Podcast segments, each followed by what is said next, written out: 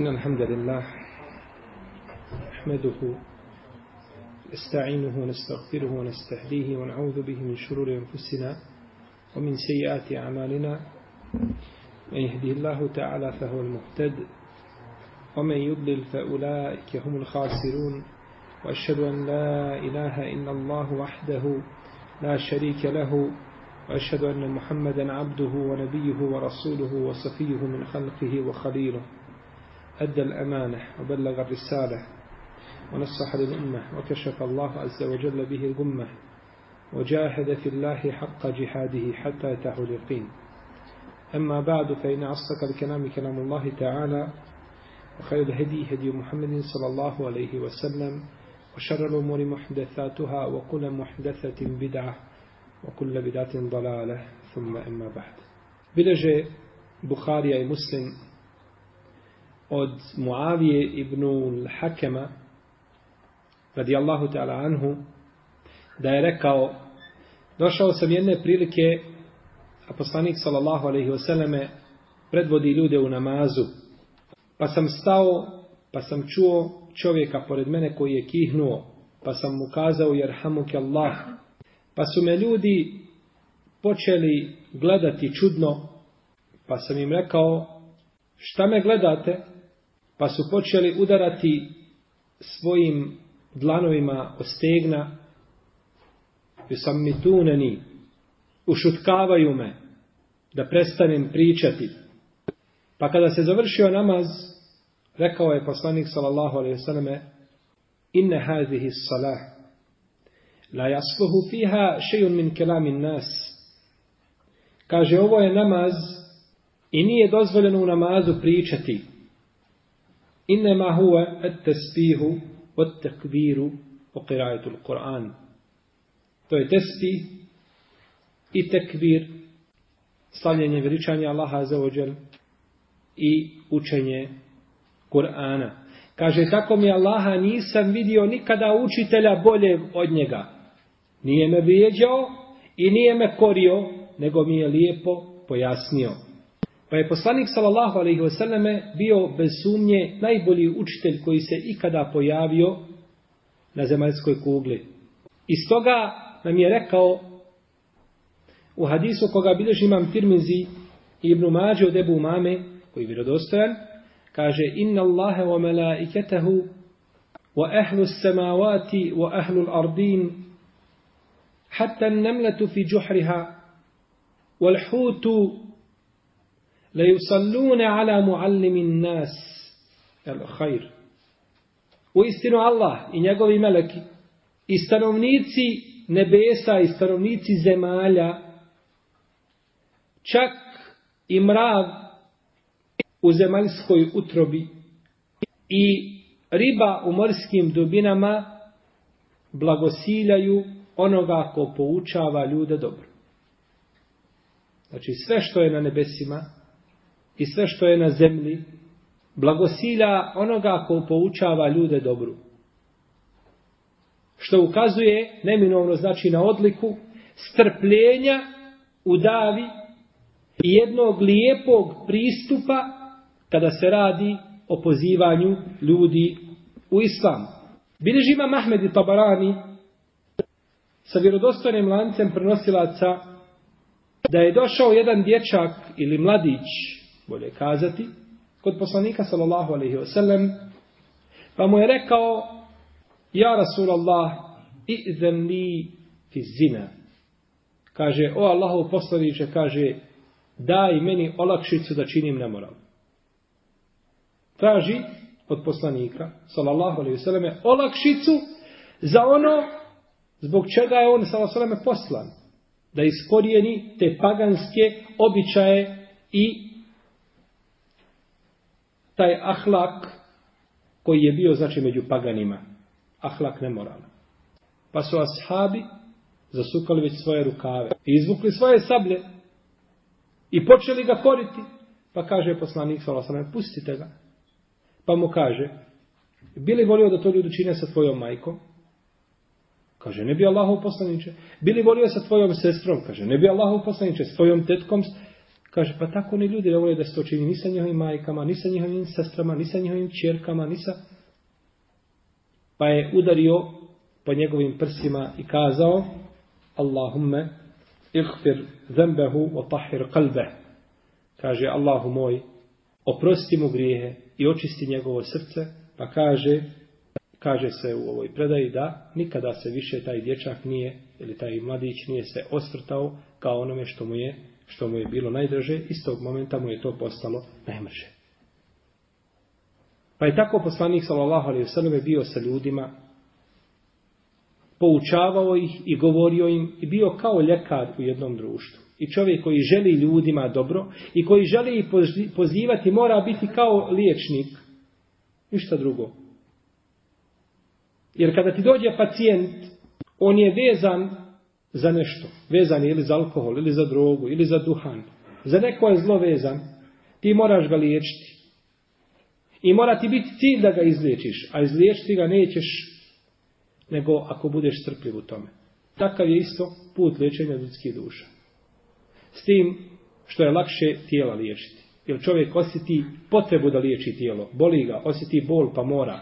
Htio ne htio mora. No međutim, on ne osjeti bol da mu je duša bolesna.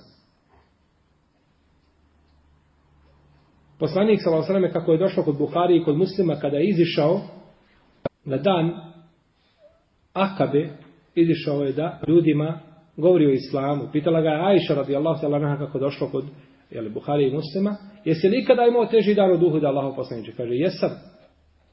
Izišao sam, kaže, da govorim ljudima i nudio sebe arapskim plemenima da im priča o vjeri. Pa su ga izranjavali. Tako da je došao Melek Džibril i kaže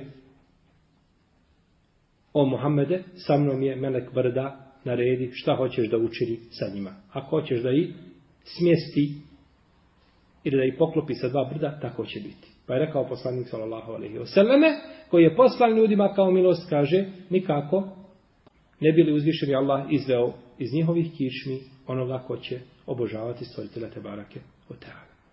Pa je znači put i način da neko poučava ljude da primjeni ovaj metod. I ovaj metod su primjenjivali učenjaci kroz generacije. I nije mi poznato da iko pozivao u islam na način kako to danas čine pojedini muslimani koji nisu shvatili put poslanika sallallahu alaihi selleme, niti put njegovih niti put njegovih ashaba u dan. Pa je bio najblaži čovjek. Svaki poslanik, kako je došlo u hadisu kod Buhari i kod muslima, svaki poslanik, alaihim salavatu rabbi, je svoju dovu koja mu je Kabul ovdje iskoristio na Dunjalku. Osim našeg poslanika, Salavosrame, koji je ostavio svoju dovu na sudnjem danu kada će nama biti najpotrebniji. Pa je to bila, znači, milost poslanika prema onima koje poziva. Mogao je poslanik, Salavosrame, tražiti od Allaha Đelešanu da mu dadne Dunjalučke dvore, dvore i da vidi napredak islama ili da bilo šta drugo, međutim nije, nego je to ostavio, znači da ono kada je najpotrebnije ljudima. Stoga, neće ova dava krenuti napred i neće se islam širiti onako kako bismo mi voljeli da se širi osim kada uradimo jednu stvar. Jednu stvar moramo raditi. Protivnom nema širenja islama. Kada svako od nas dadne i zadnji dah za davu. Znači ono što imaš pri sebi, od mogućnosti zadnji dah koji ti ostane, ako i njega ne dadneš za davu, neće dava uspjeti. A kako onda kada čovjek odvoji za islam ili za širenje islama ili za poučavanje druge islamu, jedan kratki period u svome životu, a možda neko ne odvaja ništa. Kako onda da uspije? Islam se neće širiti samo sebe. Uzvišeni Allah neće poslati meleke kao poslanike. Niti će poslati druge poslanike. Niti će poslati nepoznate x, y misionare koji će doći širiti Islam po zemlji. Neće, nego to pada na muslimane. Da svakog muslimana shodno njegovim mogućnostima. Pa stoga čovjek mora znati svoje mogućnosti i neka shodno svojim mogućnostima radi u pozivanju Allahu te barake o ta'ala vjeru. Mi smo govorili u našim zadnjim predavanjima o poglavlju ili u poglavlju Fadlu Salatil džema'a odlike namaza u džematu, gdje je autor spomenuo sedam hadisa. Mi smo govorili o prvih šest i ostalo mi još sedmi kratki hadis Ajše, radijallahu ta'ala anha, kome autor kaže, na Ajše, radijallahu anha, kalet, لم يكن النبي صلى الله عليه وسلم على شيء من النوافل أشد تعاهدا منه على ركعتي الفجر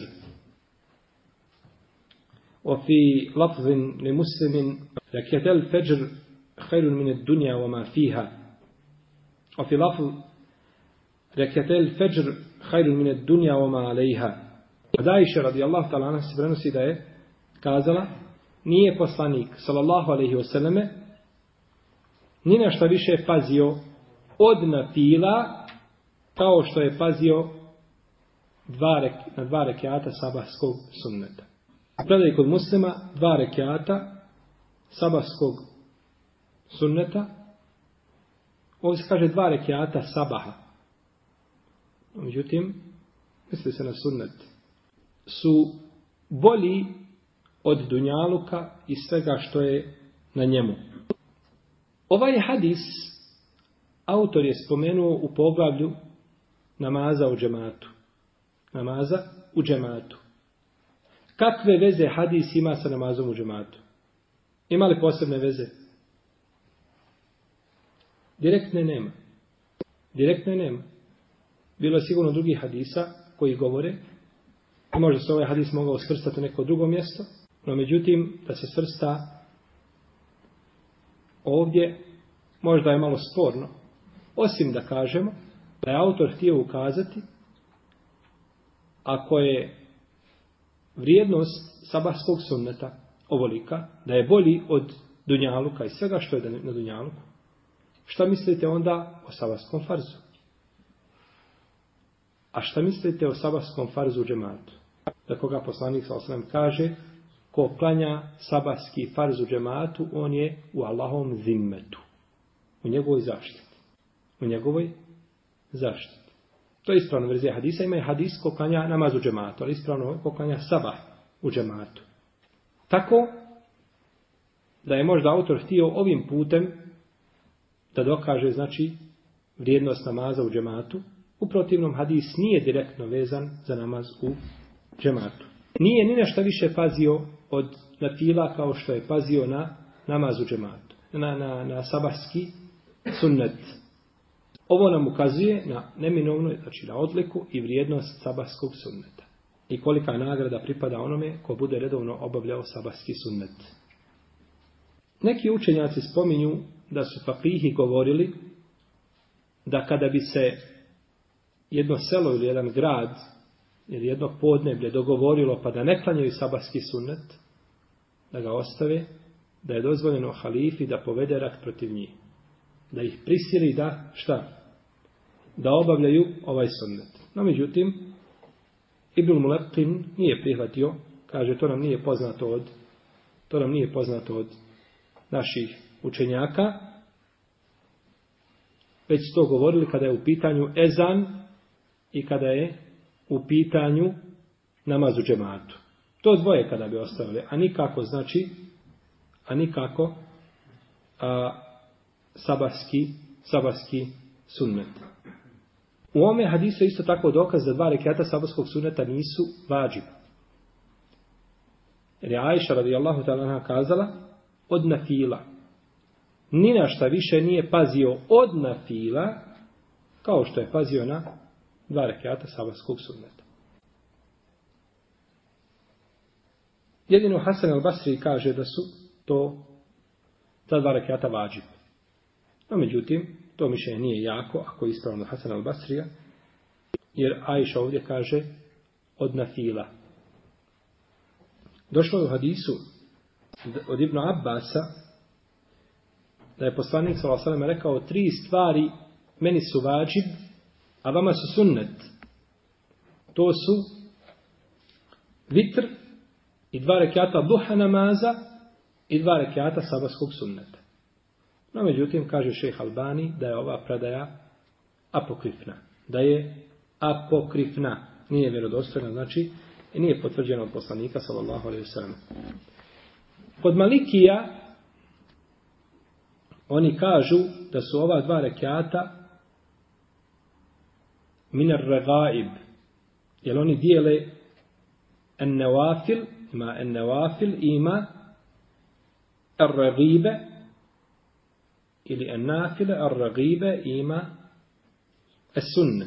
Pa kažu sunne, es sunne je najjača, pa je ar, eh, ar regibe, pa je potom en nafile. No, međutim, ova podjela nije poznata kod drugih učenjaka. Ispravno je da sabahski sunnet da je najveći oblik sunneta, jer poslanik s.a.v. nije sabahski sunnet ostavljao čak ni na putu. Znači, čovjek kada je na putu neće ostavljati sabahski sunnet, već ga treba klanjati. Neki učenjaci ovim hadisom dokazuju da je sabahski sunnet bolji od vitra. No, međutim, nije u ovome hadisu to jasno spomenuto. A oni koji kažu da je vitr bolji koriste prethodni hadis kao dokaz. A međutim u njemu je spomenuto da je i sabatski sunnet šta? Vađi. A međutim hadis je lažan pa nije dozvoljeno sa njim dokazivati. Oni koji kažu da je ponovo sabatski sunnet bolji dokazuju to pa kažu vitr pripada jaciji. A sabahski sunnet pripada sabahu. A sabah je bolji od jacije. Pa je onda ono što slijedi sabahski farz bolje od onoga, ili što pripada sabahskom farzu, bolje od onoga što pripada jacijskom farzu. Dalje, kažu, bolji je sabahski sunnet, zato što sabahski sunnet prethodi farzu kome pripada. A vitr dolazi nakon farza kome pripada. Pa ono što dolazi je prije je bolje od onoga što dolazi šta? Kasno. To je isto jedno dokazivanje, jedno viđenje, je tako? Dalje, kažu, bolji je sabahski sunnet zato što broj njegovih rekiata je ograničen i nema razilaženja među učenjacima po tome pitanju, da su to dva rekiata. A što se tiče vitra, razilaženja. 1, 3, 5, 7, 9. Razilaženja znači po pitanju broja rekiata. I kažu bolje je zato što je poslanik sallallahu alejhi ve selleme rekao da su bolja od dunjaluka i svega što je na dunjaluku. No međutim nisu bolji jeli ta dva rekiata od farzova po konsensusu uleme, a ostaje ta općenitost mimo farzova na svojoj osnovi. To jeste da je bolje od svega drugog što je na dunjaluku. Ovo je rekao imam Al-Mawardi, pa su znači na ovakav način dokazivali da je sabahski sunnet bolji. U svakom slučaju nema ovdje posebne koristi da kažemo šta je bolje od ovo dvoje. Ili ima neke mesele u kojima je taj tefdil ili da se odlikuje jedno na drugim, nema nikakve koristi praktične. Kao na primjer u Akajdu, što govore učenjaci da li su bolji ljudi ili meleki. I raspravljaju o tome i priča se, no međutim na kraju šta god da odredimo šta smo uradili. Bolji su ljudi u redu. I šta sada? Ili da kažemo bolji su meleki. Šta nakon toga? Ništa. Opet meleki znaju svoje zaduženja i nisu tu nemarni ni malo, izvršavaju to, a ljudi imaju svoje zaduženja i mnogi ih ne izvršavaju.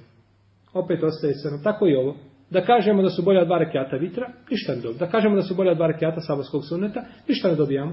I jedno i drugo poslanik sa osrame nije ostavljao. Ispravno je da ni jedno ni drugo nije vađib, a nakon toga u nijansu šta je bolje, možda je to samo gubljenje vremena i možda znanje koje neće posebno koristiti. Osim da se općenito spomene kao što Lema spomenula, ali da se o tome vode rasprave i da se to posebno izučava, tu nema znači od toga znanja nema posebne praktične koristi. Pa je bolje učiti ono što će čovjeku, što će čovjeku koristiti. Ovim hadisom autor Abdul Ghani al-Maktisi rahimehullahu ta'ala završio je poglavlje namaza u džematu i otpočeo je sa poglavljem ezana. Otpočeo je sa poglavljem ezana, pa ćemo, inša ta'ala, u narednom našem druženju početi sa ovim poglavljem. Molit Allaha Allah te od je da nas upudi na pravi put, E, da nas pouči sunetu poslanika sallallahu alaihi wasallame i da popravi naša djela i stanja naši, nas i naših porodica. Allahu Teala, alim. Sallallahu ala nebina Muhammed, ala alihi, wa ashabi ižme.